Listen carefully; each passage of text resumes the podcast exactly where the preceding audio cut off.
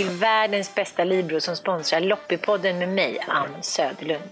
Visste ni att Libro är så mycket mer än bara störst på sköna svanenmärkta blöjor? De har även en massa smarta babyvårdsprodukter. Och I Libroklubben kan man samla poäng, få stöd och hjälp från deras barnmorska. Man kan hänga med andra föräldrar i deras forum och mycket, mycket mer. Välkommen till Libros värld! I varje avsnitt av Loppipodden har vi haft med oss Libros barnmorska Carolina Gäbel som har svarat på lyssnarnas frågor. I det här avsnittet har vi samlat alla frågor. Så för dig som väntar barn eller är småbarnsmamma, här har du svar på alla dina frågor. Veckans fråga handlar om badning Mm, och torr hud. Så vad säger du? Det här är för, förstås lite beroende på hur gammalt barnet är. Men hur ofta ska man bada ett barn och när ska man börja med det? Ja, om vi börjar med att prata om riktigt små nyfödda barn så tycker jag att eh, eh, en gång i veckan.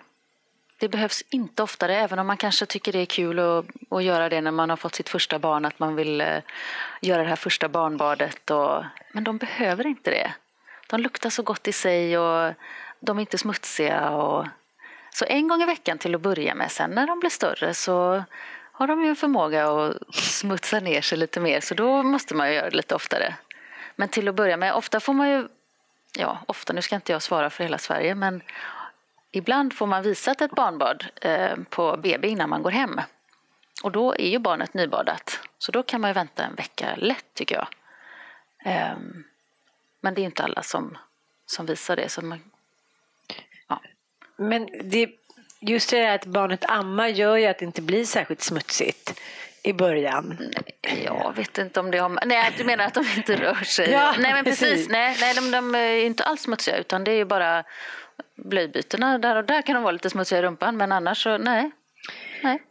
Men jag har ju haft ett barn som gallskrek varje gång Ja. eh, ja, han kom nära vatten. Har du något tips för barn som inte verkar gilla vatten?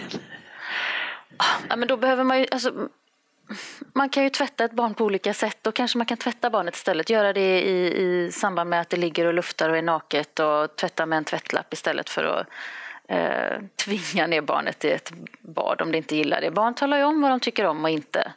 Så att det, det tycker jag absolut att man ska lyssna på. Inte, inte tvinga ett barn att bada. Nej. Men sen efter ett tag tyckte han att det var kul. Ja, man, precis. man kunde hålla en liten ankar. Sitta själv och... Ja, ja. Precis. Jo, men då är det ju mer lek. Det här, är ju inte, det här handlar ju inte om lek utan det handlar ju mer om ja, en mysig stund tillsammans och att man får ta på sitt barn och känna sig och liksom den här ögonkontakten. Och det är så mycket mer än bara att bli ren i början i alla fall. Så man behöver inte vara orolig att barnet aldrig kommer att bli tvagat. Nej. Nej. Världens skitigaste Jag tror barn. att de flesta barn faktiskt tycker om att bada förr eller senare. Det tror jag. Eh, och när kan man börja med att bada barnet? Du sa direkt när man Ja, kommer hem från egentligen kan BB. man göra det på BB. Ibland gör de ju det på BB innan man går hem. Om man nu är kvar på BB så eh, visar de ett barnbad. Och då, det finns ju inte något att man kan bada för tidigt. Eh, men annars kan man ju göra det första veckan. Och då är det bara ljummet vatten och lite babyolja. Ingen tvål, ingenting sånt, utan bara olja och vatten. Ljummet vatten. Man kan känna med armbågen så att det är lagom varmt. Och det finns ett visst grepp som man kan, Ja. ska hålla i. Men Ja. det får man också lära sig på Ja, BB. och om de inte visar det här lilla badet så kan de i alla fall visa hur man ska hålla sitt barn. För det är faktiskt rätt viktigt så att inte eh, barnet glider iväg. För har man lite olja i och även i vatten så är det ju halt. Och det vore ju Jag tror- förfärligt. Jag tror vi alla har varit med om, om Ja. den här lilla hala ålen. Gräv. Några gånger så kände jag att eh, jag kanske hade lite för varmt så att jag började använda en termometer. Det är inte fel. För att de är väldigt käns barn är väldigt känsliga mot värme. När de Ja, är... både värme och kyla skulle jag säga. Och det, och det är lätt för mig att sitta och säga att du stoppar bara ner armbågen och känns det lagom så, så är det jättebra. Det kanske inte alla tycker är så enkelt och låter så lätt. Så en termometer är jättebra att ha. Jag tycker överlag att det är mycket så att man ska känna in Ja. med armbågar Ja. och med magen hit och dit. Alla har inte lika naturligt Nej. för att känna av Nej, sånt det där. är inte riktigt schysst att säga så faktiskt. Nej. Nej. Bra att vi tog det. Ja, nej, men en termometer, det är inte fel att ha det hemma. Och det ska vara som kroppsvärme, 37, 37 grader. grader Ja. Mm. Men vad händer om, om man badar barnet för ofta och får det torr hud då? Eller? Det kan bli... Barn är ju olika, så vissa barn har lättare för att få torr hud. Men det är ju absolut en, en, eh, någonting som barnet kan få om man badar för mycket. Och det är onödigt. Jag undrar också, ska man smörja in små barn med hudkräm eller är det onödigt? I början, i- min erfarenhet är att det räcker med barnolja. Ehm, I vattnet då? Eller Ja, i in- vattnet. Och man kan även smörja efteråt. Om du, om du masserar ditt barn lite, om du antingen går på babymassage eller bara smörjer lite själv så är ju olja jättehärligt och det tycker de flesta barn om. Ehm, men sen är det ju vissa barn som har lite sådär torra armbågar och torra partier, i knävecken kan det vara och eh, ja, på andra ställen. Och då tycker jag att man kan ha en lite fetare kräm också hemma. Eh, Man behöver inte ha en, en hel arsenal med prylar utan en kräm och en olja. Eh, Och oljan är ju, alltså oljan kan du ha på hela kroppen och den går lätt in i huden när, när eh, huden är lite fuktig fortfarande. Så efter ett bad till exempel så är det lätt att smörja in oljan innan barnet är helt torrt. En kräm är lite, om man jämför kräm och lotion så är ju kräm lite fetare. Så den är ju bra om barnet är lite torrt. Ehm, men däremot en, massa, en, ehm, en olja, den kan du ju ha verkligen på hela kroppen och även om barnet har lite skorv, för det är ju väldigt vanligt att barn får mjölkskorv som man kallar det. Då är det ju bra med eh, oljan. Den Även. där skorven, Ja. den är jättesvår att få Ja. bukt med ibland. Det är som att det aldrig går bort. Nej, och vissa barn har jättemycket. Men var kommer det ifrån? Ja, men man säger att det är. Jag vet inte exakt var det kommer Nej, ifrån. men jag tror inte att det Nej. går att säga heller. Nej, men eh, ja, vissa har mer och vissa har det ganska länge, alltså tills de är flera år. Det är inget konstigt. Och då är det ju lite jobbigt när, när man börjar få lite hår och vissa barn har ju mycket hår. Eh, Men då, är, då brukar man rekommendera olja och så att man kammar med en fin, fintandad kam. Så försvinner det ju så småningom. Men det är väl inget, eh, det är väl ingenting som stör barnet direkt? Nej, nej, det gör det ju inte. Det är ju nog mer föräldrarna som tycker att det ser lite knasigt ut, tror jag. De här perfekta små Ja, dockorna. precis. Ja, men vad bra. Då vet jag att man kan börja bada barnen direkt nästan man kommer hem från BB. Mm. Man kan använda termometer för att kolla värmen istället för urmodersarmbågen. Eh, barnolja kan man smörja in med om barnet känns torrt. En fetare salva om det är böjväxteksem eller blöjeksem som Mm. också heter. Precis. Ja, men gud vad bra. Enkelt. Ja, Ja. det är lätt som en flätt. Ja. Tack för idag. Tack själv. Veckans fråga handlar om eh, fenomenet röda rumpor på barn. Det är ett stort ämne. Det är det? Ja. Ja. Men varför blir eh, barnens rumpor röda? Ja, men, tänk en bebis som har en blöja på sig hela tiden. Det är ju inte helt naturligt. Alltså, Nej. alltså, huden behöver ju få vara lite fri. Ja. Och så blir det tätt och det kommer bajs och kiss och det blir varmt och då blir det rött. Men jag tittade på bilder i mitt fotoalbum från när jag var liten Mm. med såna snibbblöjor och då kändes det som att rumporna verkligen var röda. Ja. Det har väl blivit bättre i och med att blöjorna har blivit Ja, bättre. alltså blöjorna är ju helt suveräna idag så att det, det blir ju det blir fortfarande rött men det blir ju säkert, jag kan inte svara på det för hur det var för 20 år sedan men det blir ju säkert mindre rött. De andas ju idag blöjorna och det är helt andra material och, så att eh, mindre röda rumpor men fortfarande ett problem. Men kan det bero på något annat än blöjorna? Kan det bero på någonting man har ätit? Att ja, det, blir, det kan det göra. Det kan bero på olika matprodukter. Eh, produkter och, alltså barn är ju olika känsliga.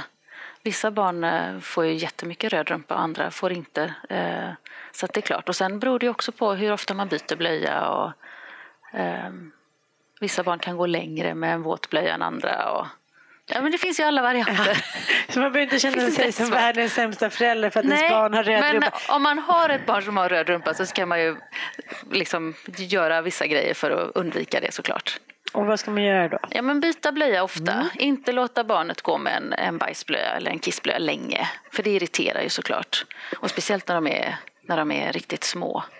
Ehm, och sen låta rumpan lufta såklart. Eh, när man har bytt blöja eller när de har badat att de får ligga lite nakna. Det är ju jättehärligt. Mm. Um, ja, smörja den om det behövs. Finns det någon särskild salva? Det där tycker jag också verkar gå lite olika trender i. Man ska salva eller talk eller ingenting. Ja. Vad tycker du? Ja, men är, det, är det rött och lite sårigt så tycker jag ju zinkkräm är det bästa. För det, det blir som en skyddande hinna.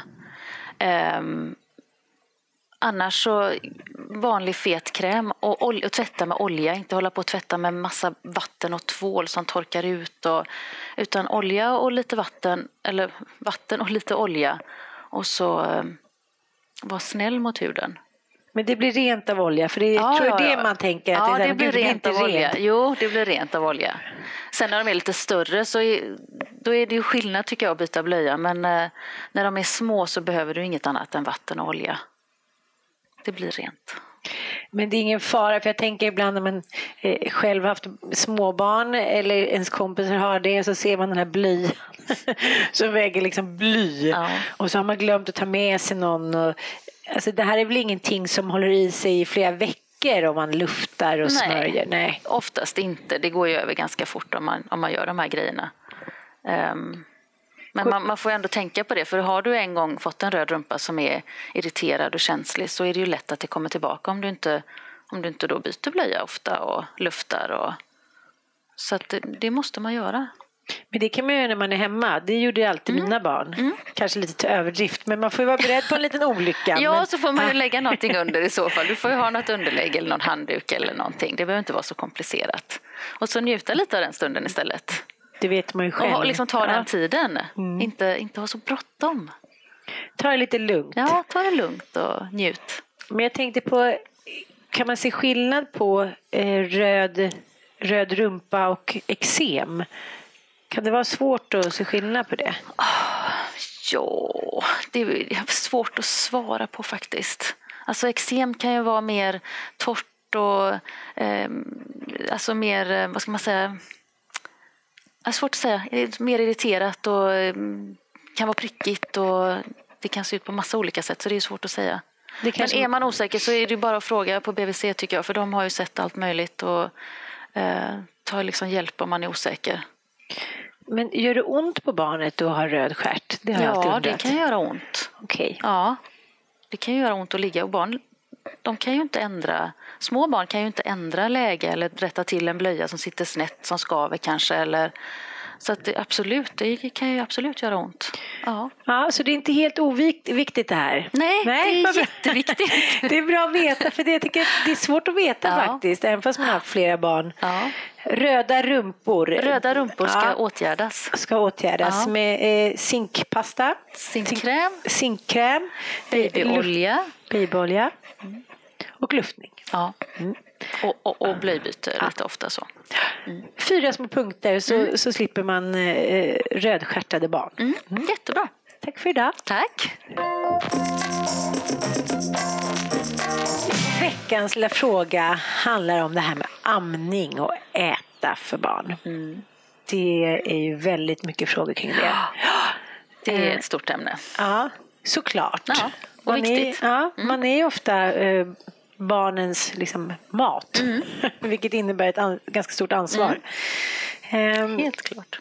Och då är då frågan, kan ett barn äta eller amma för mycket? Ja, man brukar ju säga att det kan de inte, men det är klart i en måltid kan de ju amma för mycket. Det kan bli liksom... Man har ju olika mycket mjölkproduktion också så att eh, vissa barn suger väldigt hårt och så kommer mjölken jättesnabbt och den bara sprutar och barnen får i sig jättemycket jättefort. Och magsäcken är ju ganska liten när de är riktigt små så den, den rymmer ju inte så mycket. Eh, och då blir ju resultatet att de kräks så då har de ju fått i sig för mycket ofta. Men det är väl inget farligt? Nej, det är inget farligt utan det reglerar ju sig självt. Ehm, det kan ju vara lite besvärligt och det kan ju vara att magmunnen inte heller riktigt sluter tätt som gör att maten kommer upp igen. Så man får försöka vara lite, ja, lite lyhörd för hur mycket som kommer och hur snabbt det går och om barnet behöver rapa eller inte. Och, ja, att man tar det lite lugnt kring amningssituationen så man inte är upp och hoppar direkt och att man låter maten liksom eh, rinna undan lite grann. Men den här med klassiska klappen på rumpan, alltså barnet ska mm. rapa, det verkar inte vara lika viktigt längre. Man kan stryka lite på ryggen, man kan gärna ta upp dem mot axeln när man märker att amnings, amningen är färdig, att barnet inte suger så effektivt eller nästan har somnat. Då kan man ta upp dem lite försiktigt mot axeln och stryka. Kommer det en rap så är det bra, kommer det ingen rap så är inte det hela världen. Det är olika. Vissa barn eh, ammar efter varje måltid och andra gör inte det. Och det, är, det är ingen fara men eh, man behöver ju inte gunga jättemycket och liksom vänta på den där berömda rapen. Det måste man inte. Det är lite, lite mer viktigare på 70-talet kanske? Ja, jag vet inte kanske. Men jag har tänkt på den här gången jag ammade att, att jag känner att nu räcker det. Ja. Att, ja, men vissa barn bara ammar och ammar för ja. skull även fast de är mätta. Ja. Och så ska man ta bort dem och så blir det så ja. Jo men vissa men... barn har ju ett extremt sugbehov mm. och då blir ju tutten eller bröstet eh, nappen. Eh, och de barnen som har det, det är kanske inte fel att introducera en napp. För man kan ju inte vara barnets napp jämt. Det funkar ju varken praktiskt eller eh, teoretiskt. Men det är då jag undrar vad jag har gjort för fel. För inget av mina barn har tagit napp. Nej. Och då undrar jag om jag introducerat det för sent. Att man måste nästan göra det direkt så att det inte tycker att det kanske blir av ett annat material eller det här kanske bara inbildning. Ja, jag tror nog det. Jag tror att vissa barn är bara inte nappbarn. Jag har till exempel haft två barn som inte har tagit napp och, det, och jag har försökt. Mm. Ja, så att, um, och jag tycker inte man ska göra det för tidigt utan det primära är ju ändå om man nu vill och kan amma att få igång amningen. Och då kan det vara lite tokigt att ha napp och bröst precis sådär i början. Um, och i början är det ju mycket amning, det är ju bara så. Så då är man ju lite både sug, tröst och mat eh, på samma gång. Mm. Men det här med fri amning, det slår jag ändå ett slag för. Mm. Vad säger du? Ja, ska barnen få amma Det när gör vill? jag också. ja, men det ska de få göra, mm. absolut. Mm. det brukar ju reglera sig också efter ett tag. Ehm, men inga fyra timmars eh, intervaller eller någonting sånt.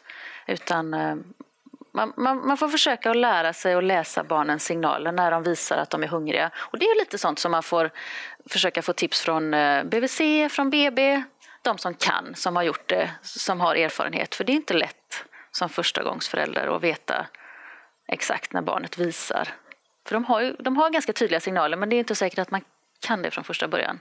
Eller förmodligen inte skulle jag säga. Det kan man ju läsa själv också i böcker Ja, det kan man läsa. Man kan, man kan liksom höra med andra och men, men mm, man får försöka att lära känna sitt eget barn, för barn är olika också. Men det kan ju bli lite stressigt när man ska amma för första gången just att man kanske har svårt att känna in för att man tänker att det ska vara på ett visst sätt. Mm. Då finns ju också amningsjouren och mm. man kan ringa till sin barnmorska. Man, man ska väl inte vara rädd för att Nej. be om hjälp? Nej, det ska inte vara någon eh, prestige i det utan äh,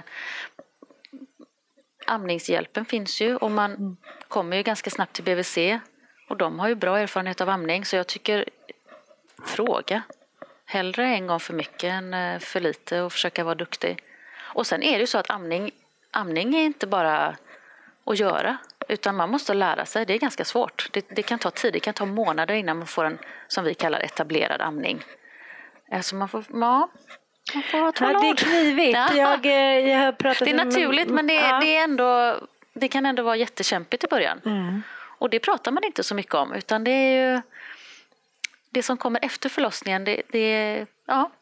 det ska man bara sköta som ett rinnande vatten? Ja, ja. lite grann så upplever jag. Ja. Men så är det inte? Nej. Nej. Så vi måste våga prata om det? Det är viktigt att prata om det. Ja. Mm. Ja. ja, men nu känner jag mig nöjd. Bra. Tack för idag. Tack så mycket. Dagens fråga som vi har fått är då lite genusanpassad. Frågan lyder, i andra länder så finns det pojk och flickblöjor. Varför finns inte det i Sverige? Det visste inte jag ens en gång, visste du det? Jo, jo det visste jag. Men jag, jag, alltså idag finns det ju mindre och mindre pojk och flickblöjor utan man gör mer och mer bara unisexa blöjor. och eh, varför vi inte har det i Sverige beror ju på, jag kan ju bara prata för Libro, men det beror ju på att eh, blöjorna är så fantastiskt bra så det finns ingen anledning att göra till pojkar och till flickor. De suger där barnen kissar helt enkelt. Um, och förr så la man ju fluff och det som är i blöjan på, andra, på, på olika ställen i blöjan då, beroende på om det var en pojke eller flicka. För pojkar kissar ju lite annorlunda än vad mm. tjejer gör. Um, men jag tänker på de här tygblöjorna som ah. var populära förut och som vissa fortfarande har av ekologiska skäl. Då. Är det någonting du skulle kunna rekommendera? Nej, faktiskt inte. Nej, men alltså jag ser inte riktigt eh, vinsten med det, varken miljömässigt eller eh, eh, ekonomiskt eller tidsmässigt. För de ska också tvättas? Ja, de ska mm. också tvättas. Eh, och eh, blöjsopor är ganska bra sopor. Det bränns och blir energi av det så att vi ska, inte, vi ska inte ha dåligt eh, samvete för det. Vi slår ett slag för blöjan. Ja, det gör vi. Pappersblöjan. Ja. Jaha. När vi ändå är inne på det här med blöjor, eh, då tänker jag, när ska man börja med potta? Finns det någon tidpunkt eller bestämmer barnet själv det? Ja, men det är också en sån här stor och vid fråga. Det är ju så individuellt. Jag tycker att man ska titta på barnet, om det visar intresse för pottan, om det vill leka med pottan. Um, om um, han eller hon eh, är väldigt glad när, uh, när han eller hon har bajsat. Eller, eh, alltså lite grann om det finns ett intresse kring det här med kiss och bajs och här är pottan och se vad jag kan göra. Och, Finns det inget som helst intresse och, och, ingen aning om att man har kissat eller bajsat då, då är det lite lönlöst med att introducera pottan för då kommer det bli mer olyckor än, än succé. Men kan man föra några riktlinjer, till exempel att barnet kanske ska ha börjat gå eller fyllt ett år? Nej. Eller? Nej, nej, det finns inte det. Nej, nej, det tycker jag inte. Utan mer, mer vad de visar för intresse för det här med kiss och bajs och potta och sluta med blöja. Om de vill ta av sig blöjan till exempel eller om de eh, vill visa vad de har gjort i blöjan mm. eller om de vill sitta ner på pottan eller om man ser att de vill sätta sig ner när de ska bajsa. För man, man, man ser ju mönster och man lär ju känna sitt eget barn så man vet ju ofta när de, när de bajsar. Till exempel efter maten eller kissar direkt efter man har sovit eller lite sådana signaler. Och berömma när, när det går bra. På dagis har de såna här låga små toaletter. Ja. Det skulle jag vilja ha hemma. Ja, det verkar bra. ja, då slipper man hoppa över den ja, där pottan. Ja. De är väldigt gulliga. Ja. Bredvid varandra. Så, men det finns också böcker mm. som handlar om potträning. Ja. Det tycker jag var ett bra trick. Ja. Det var lätt att visa sig. Här är Totte går på pottan. Och... Jo men precis, mm. göra det lite kul och mm. inte som något som man ska göra eller måste göra eller ska lära sig utan leka fram det.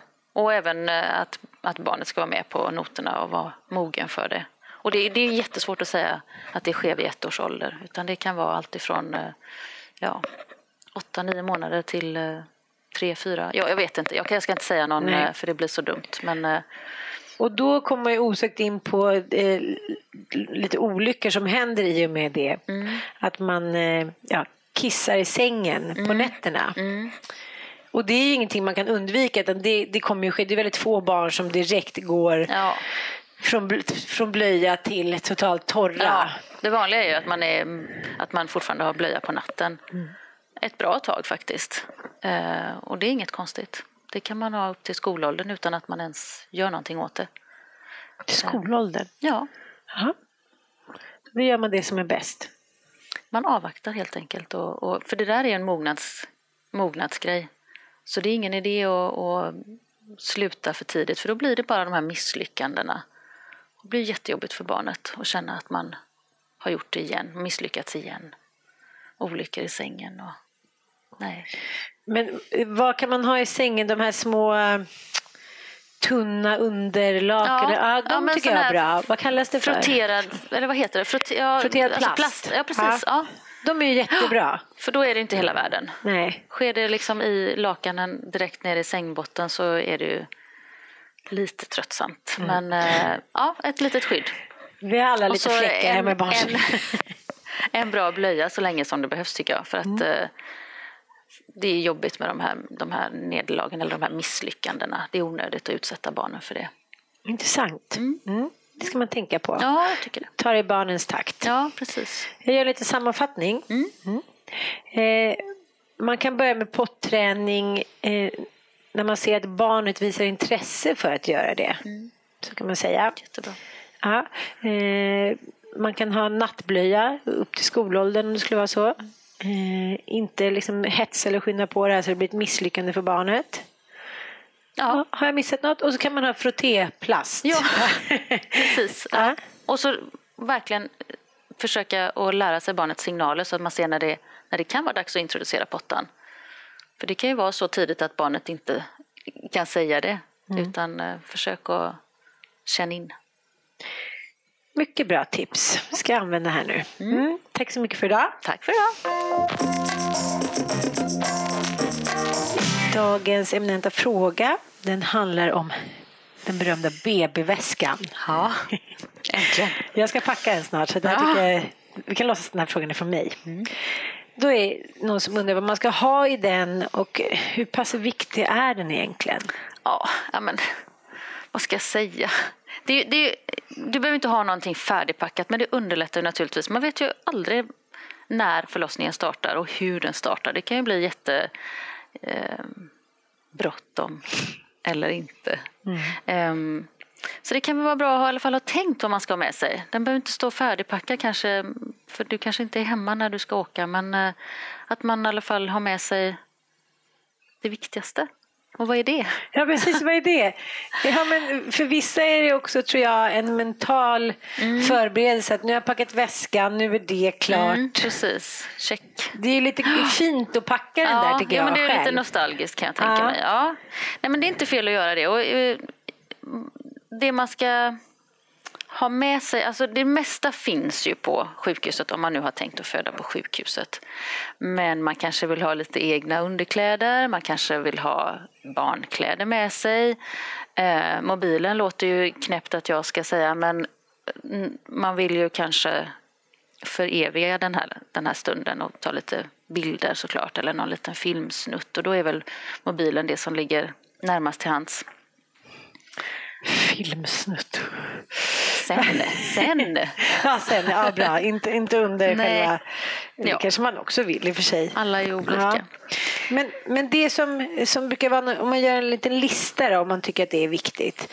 Mm. Då, vad tycker du då att man ska med sig? Telefonen, något ombyte för babyn. Ja, Ja. Eh, kanske egna kläder och, och gå runt i. Um, um, någonting att äta som man tycker om. Man får ju det mesta på sjukhuset också men partnern kanske inte får någonting. Så någonting att, att tugga på. Det kan ju bli så att man stannar där ett tag. Ja. En banan. Eh, ja, Ja. Eller, och kanske egen musik om man vill Ja. ha det under förlossningen. Ja. För att göra det liksom lite mysigt och lite som man själv gillar i den miljön. Jag pratade med en killkompis på en middag häromdagen och han hade förberett sig alltså, minutiöst med playlists och det Ja. var eh, små eh, ljusstakar. Jag vet inte vad allt han hade gjort och sen så Ja.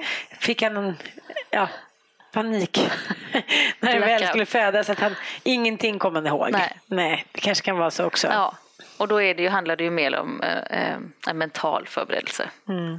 Att man faktiskt har tänkt och man, man, man förbereder sig inför förlossningen och vad som ska komma. Men många blir faktiskt väldigt besatta av den här BB-väskan. Jag har en kompis syrra som hade den här packad och som fick väldigt starka verkar fort när hon var på Ja. en middag. Och istället för att ta taxin till BB så skulle hon liksom nödvändigtvis hem för att hon hade den här mentala bilden Ja. av väskan den var så stark så att hon höll på att föda i taxin Ja. för att hon skulle hämta den där väskan som ändå inte var till någon hjälp under förlossningen. Nej, men då, då har den, fyller den ett syfte i alla fall så den är väl ändå ganska viktig tror jag. Mm. Men, eh, och, och, ah, man behöver inte göra det så allvarligt men, eh, men lite, lite egna grejer att ha med sig tycker jag. Vad det nu kan vara för någonting. Vi är olika. Vissa vill ha med sig, måste ha med sig läppglanset och andra måste ha med sig ett par tofflor och eh, en egen babymössa. Och, Ja, men det tycker faktiskt jag det känns väldigt viktigt att man har bestämt vilka kläder bebisen Ja. ska ha när man åker därifrån. Ja. Det är någon ytlig liten sak som man har tänkt men som ändå känns och väldigt som blir viktig. ett, ett väldigt starkt minne också kanske.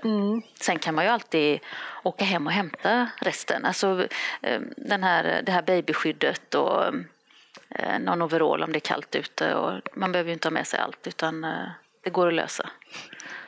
Om man inte föder som jag hörde häromdagen, en mamma som födde 20 mil bort från sjukhuset.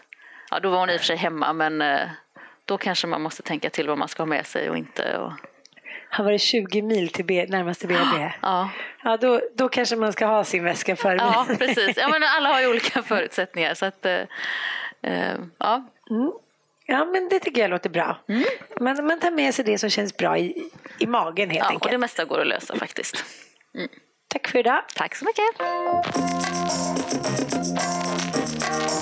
Dagens fråga den handlar om farhågor inför förlossningen som vi alla som har fött faktiskt har haft. Eh, och här är någon som undrar jag är livrädd för att bajsa på mig. Vad kan jag göra för att undvika detta? Ja.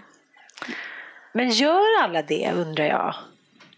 Nej, alla gör inte det, men det är faktiskt ganska, eller faktiskt, det är, det är vanligt.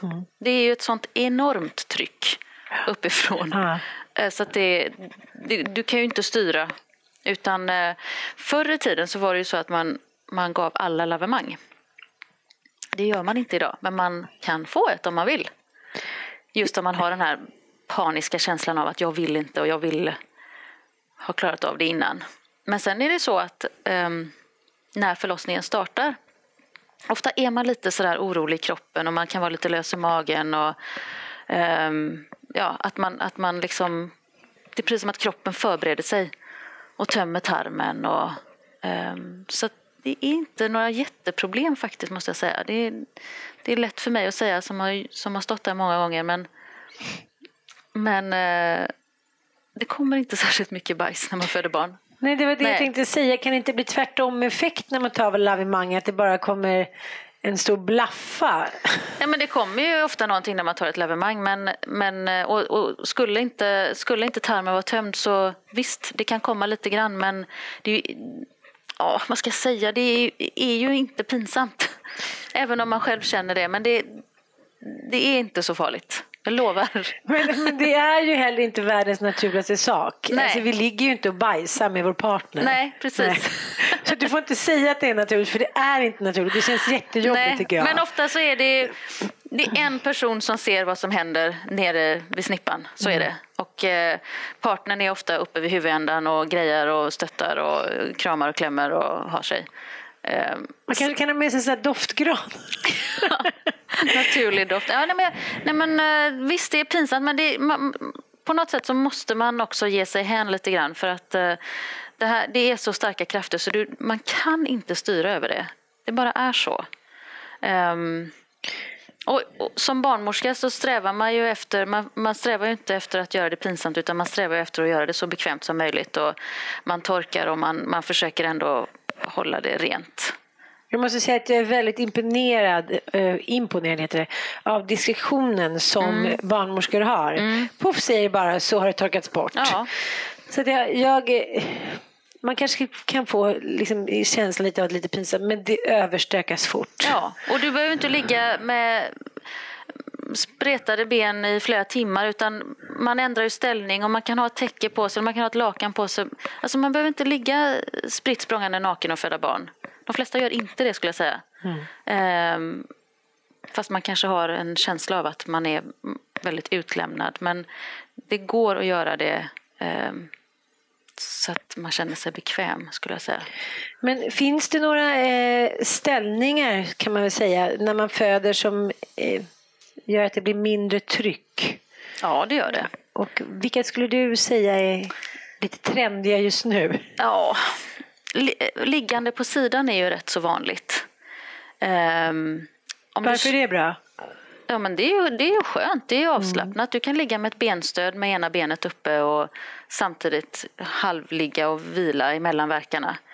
Um, sen är det ju många som tycker det är rätt skönt att ha en upprätt ställning. Du kan stå på knä, du kan luta dig över en saccosäck, man kan stå upp, man kan sitta över en stol. Uh, och står du upp jämfört med om du ligger ner så är det klart att du har ett mycket mera tryck neråt. Mm. Uh, på gott och ont. Men det kollar ju barnmorskan så det är inga problem. Men det, det där är en smaksak. Vad man tycker är skönt och vad barnet signalerar är okej och inte okej. För barnet kan ju hamna i ställningar som inte är så bra också. Så mm, man kan väl sam sammanfatta det här med att det, blod, kräks och bajs är helt naturligt under förlossning. men, men man ska inte avfärda heller för att det är inte helt naturligt Nej. att ligga och bajsa på och sig. Och det vet ju barnmorskan också att det är inte jättekul om man gör det. Så att vi, vi försöker ju att göra det så, så bekvämt som möjligt. Um, och att det, ska, att, att det ska kännas naturligt. Och det är som sagt att jag tror att i den situation man är i så är det ingenting som partnern heller direkt går att tänka på. Nej, absolut inte. Nej. Nej. Så bajsa på höll jag på att säga. och det är ju inte heller alla som gör det. Nej. Nej. Jag, jag har gjort det två gånger av tre tror jag. Mm. Och det här med lavemang känns också, det är ingenting man gör längre, det känns lite föråldrat. Ja men, ja, men vissa gör det och det, jag tycker man får, man får bestämma det själv. Mm. Tycker jag. Men då kan det också bli tvärtom effekt. Att allting kommer. Ja, mm. det är ju det som är lavemangets mening. Vi slår ett slag för det naturliga. Ja. Det får bli som det ja, blir. Det tycker jag. Mm. Ja. Tack, nu har vi rätt ut det här. Tack. Idag så har vi en fråga som eh, handlar om smärtlindring. Mm. Detta eviga omtvistade ämne. Just det. Då är frågan, hej, upplevs man som konstig när man är för smärtlindring på BB? Jag vill bara säga till alla, bring it on, för jag är rädd för att ha ont. Mm. Det tycker jag låter som en sund inställning som den personen har. Mycket sund. Men är det lite minerad mark det här med smärtlindring? Det är lite som med amning. Ja. Att det är lite debatterat hur man... man är... Ja, men det är väl lite det här att jag tror att alla går lite omkring och eh, det är lite prestige i att föda med eller utan smärtlindring, tror jag. Mm, För mig, jag, jag, tycker inte att det är det, men, eh, men jag tror att man upplevs som duktig om man inte har haft smärtlindring. Och det är ju dumt. Men varför? Jag menar, det, är väl ingen, det är väl ingen fara med att ha smärtlindring? Nej, inte så länge det är under kontrollerade former. Det finns ju allt ifrån icke-medicinsk till eh, medicinsk smärtlindring. Så det, är, det är olika, finns ju massor med olika smärtlindringsmetoder. Vilka är de vanligaste? Ja, det vanligaste skulle jag nog säga är lustgas. Oh, eh, ingen, ingen, ingen jättesmärtlindring men eh, den, den, tar ju liksom bort topparna. Eh, och sen är det ju ryggbedövning. Det är ju vanligt. Mm. Eh, sen finns det ju några andra metoder. Det finns ju sterila kvaddlar. Ah, jag pratar inte om det. det finns eh, akupunktur om man nu ska kalla det smärtlindring. Eh, det finns ju ehm, olika, en annan ryggbedövning som heter spinalbedövning. Um, Vad är det för skillnad på det? Ja, ryggbedövning är ju, då, då får, får, du in en slang i, i, ehm, i ryggmärgen som, ehm, som gör att du hela tiden får kontinuerlig smärtlindring. Du får medicinering hela tiden i den här lilla slangen. Och man kan eh, justera det upp och ner. Oftast är det bara en, en styrka och en takt som det här går in i. Eh, och den har du under längre tid. Spinalbedövning är mer då får du en spruta in i ryggmärgen där, där eh, du får en dos med smärtlindring eh, som håller då ett antal timmar, två timmar brukar det vara ungefär. Så den är ju mer när man vet att nu ska hon snart föda. Mm. Alltså mer för omföderskor. Det kanske jag ska testa den här gången. Ja. Jag tycker att det som, var, eh, det som inte jag var beredd på med ryggmärgsbedömningen var jag blev så invaggad i falsk trygghet att det inte gjorde ont längre. Så när jag väl skulle föda så mm. kunde jag liksom inte få tillbaka styrkan Nej. i Nej, mig själv. Precis. Nej, Nej, men och den är ju, det handlar ju också om att, att veta vad det är man får och, och, kanske varför. Sen så är det ju så att eh, en ryggbedövning är ju mer under öppningsskedet. Mm. För det är ju, det kan vara väldigt smärtsamt. Um, Sen behöver du ha, ha liksom, få tillbaka känslan när du ska känna trycket och när du ska krysta, då är det inte bra att vara jättebedövad i underlivet. För då får du inte riktigt den här impulsen att krysta. Och den är rätt bra. Mm. Ja. Jag märkte det. Så vissa blir väldigt väl bedövade och där är det svårt att styra. Men vissa blir väldigt bra bedövade och då känner de inte riktigt det. Och då är, kan ju det vara en nackdel. Men akupunktur, det, det, det har gått lite upp och ner med, med, den trenden också. Tycker du att det funkar med akupunktur? Ja, men man säger ju att ungefär 50 procent har god effekt av akupunktur.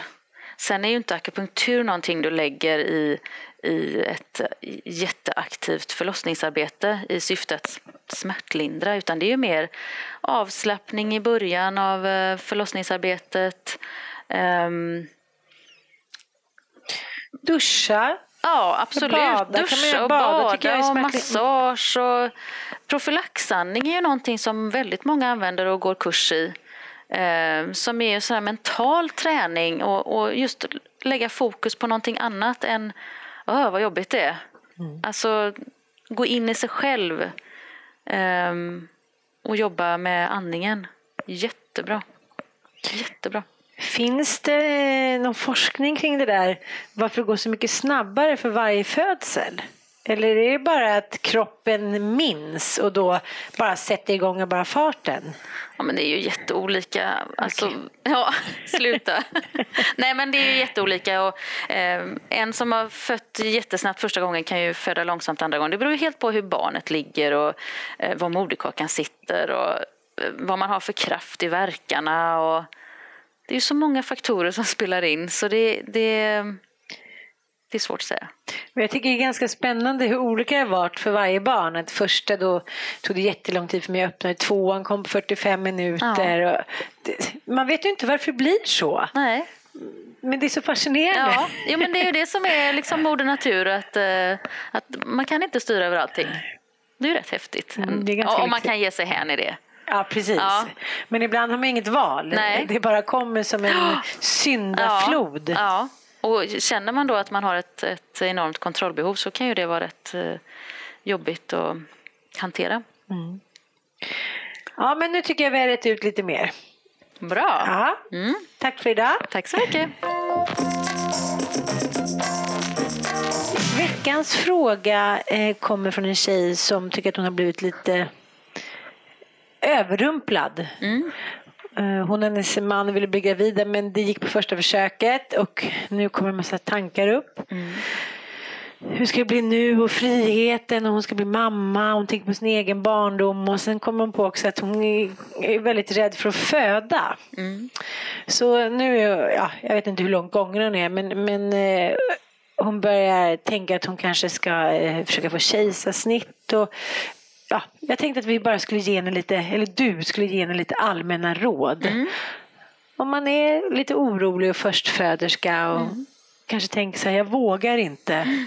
Vad skulle ja. du ge? Ja, det, det, är, är ganska inget, vanligt ja, väl? Ja, men det är ju ganska vanligt och det är inget konstigt alls. Alltså det är ju, man ger ju sig in i någonting som man inte har en aning om vad det är. Mm. Du kan ju se barn på gatan men äh, vägen dit liksom är ju med skräckblandad förtjusning kanske för vissa. Men tror du många blir lite överrumplade av känslan att de tror att det ska kännas så himla härligt och sen så istället ja. så blir det lite skräck? Ja, det tror jag. Och, jag tror att man, och så har man jättedåligt samvete över att man kanske inte blir så där överlycklig på första minuten när man ser plusset på stickan. Och, eh, det är ju jättemånga tankar som bubblar upp säkert. Om man tänker på sin egen barndom och eh, hur ska jag bli som mamma och hur har min mamma varit? Och, Absolut, det blir nog en, en tankekaos liksom som eh, man måste hantera. Och hur hanterar man det? Ja, men jag tycker att man, eh, man börjar med att ringa till mödravården. För det, dit ska man ju. Ehm, och har ett första inskrivningssamtal med sin barnmorska. Och då är det ju toppen om man har med sig sin partner såklart, om man har en partner. Finns det någon, eh, finns det någon gräns för hur tid man får komma? Nej, men jag vet att på vissa ställen så har man först ett, ett eh, ja, man, har, man har delat upp det på två samtal. Eh, och då tror jag att man har det runt 8-9 Och sen har man nästa vid 10-11. Men det är, det är väldigt olika från smart mottagning till mottagning och från landsting till landsting. Så att, eh, men runt 10 ungefär, att man har ett första inskrivningssamtal. Och då tycker jag att man redan där ska ta upp Eh, att man är orolig, att man har mycket tankar och funderingar. Och mycket kan man säkert lösa med den barnmorskan man får på mödravården. Sen är det ju vissa som kanske behöver extra stöttning och eh, hjälp och, och liksom klura ut funderingar och få svar på frågor och så. Och då kan man söka sig till en speciell mottagning som nästan alla sjukhus har. Om man är extra orolig eller rädd. Eh, de kan heta Aurora och ja, vad, heter de mer? Ja, men Aurora heter många mottagningar som är för förlossningsrädda kvinnor. Men eh, det här med kejsarsnitt ökar ju faktiskt ganska mycket och har gjort under flera år. Varför tror du att vi helt plötsligt verkar ha blivit räddare för att föda vaginalt? Ja, men jag tror det handlar om det samhället vi lever i med, där man vill ha kontroll på allting och eh, vara med och styra och ställa. Och det här är ju någonting som vi inte riktigt kan kontrollera in i minsta detalj. Det är jobbigt. Och också det som har varit spännande tycker jag. Ja, precis. Att man inte kan kont- kontrollera Nej. allt. Och där är vi så jätteolika. Vissa tycker att det är spännande och ser det som eh, att eh, det blir som det blir och andra klarar inte ens av den tanken. Och då är det klart att då är det ju någonting man måste hantera. Men jag tycker att det verkar finnas en liten allmän inställning till nu att kejsarsnitt är någonting man bara gör mellan tummen och handen. Men sen när man börjar prata med människor eller kompisar som har gjort det så är det ju ganska komplicerat faktiskt. Ja, det, det låter nog enklare än vad det faktiskt är. Man tror att det är ett sätt att komma undan smärta och eh, ja, få kontroll. Men det är ju inte helt smärtfritt att bli snittad. Och det är en stor bukoperation, det ska man veta. Och det finns risker med alla operationer såklart. Ehm, så det är viktigt att få rätt information. Ehm, Sen är det, kan det göra ganska ont efteråt. Ja. Man kan inte bära sitt barn. Så det är en del man, man eh, ja, det är väl egentligen den, den stora skillnaden tycker jag rent eh, ehm, ja, både fysiologiskt och mentalt faktiskt att, att eh, man är rätt så ledbruten efteråt. Man har ont och det är inte bara att hoppa ur sängen och föder du vaginalt så är, det, då har man också ont i kroppen såklart men du går ur sängen på ett helt annat sätt. Eh, Så det, det, ja, det finns ju för och nackdelar med allting men, men jag tycker det är jätteviktigt att man, att man vet om att ett kejsarsnitt är inte vägen till en smärtfri förlossning i alla fall. Men eh, vad finns det mer för fördelar med att föda vaginalt tycker du? Och det finns ju massor med fördelar. Dels, dels mår barnet bra av en vaginal förlossning. Oftast, om det inte är tillstöter några komplikationer. Men eh, ehm, barnet ska ju passera förlossningskanalen och då sker, då sker det vissa saker i barnets kropp som, som är bra. Alltså lungorna trycks ihop vilket gör att vätskan åker ur lungorna och de får lättare att andas när de kommer ut. Eh, sen så frisätts ju massor med hormoner som är bra för amningen. Ehm, och som även är bra för att livmodern ska dra ihop sig. Ehm, och sen det här, ja, att få upp barnet på bröstet med en gång. Få den kontakten direkt. Du kan få den ganska bra med ett snitt också men eh, ja, det, det, det är ju det mest naturliga. Det är ju bara så. Ja, jag, jag, eh, jag tror att man tänker själv också att som du säger att det ska bli en, en enkel och snabb lösning men att det Ja. inte behöver bli det. Men samtidigt så är det ju väldigt fantastiskt att det finns ett alternativ. Om man, nu, Ja. man ska ju inte tvingas Nej. till någonting. Nej, vi vill ju inte bli några förlossningsfascister här. Utan, ehm, man måste ju utgå ifrån varje kvinnas eh, förutsättningar och behov och såklart. För tvinga någon att göra något som man absolut inte vill, det, det, det blir ingen bra start heller. Ja, hoppas att eh, du har fått lite råd kring det här. Tack för idag. Tack så mycket!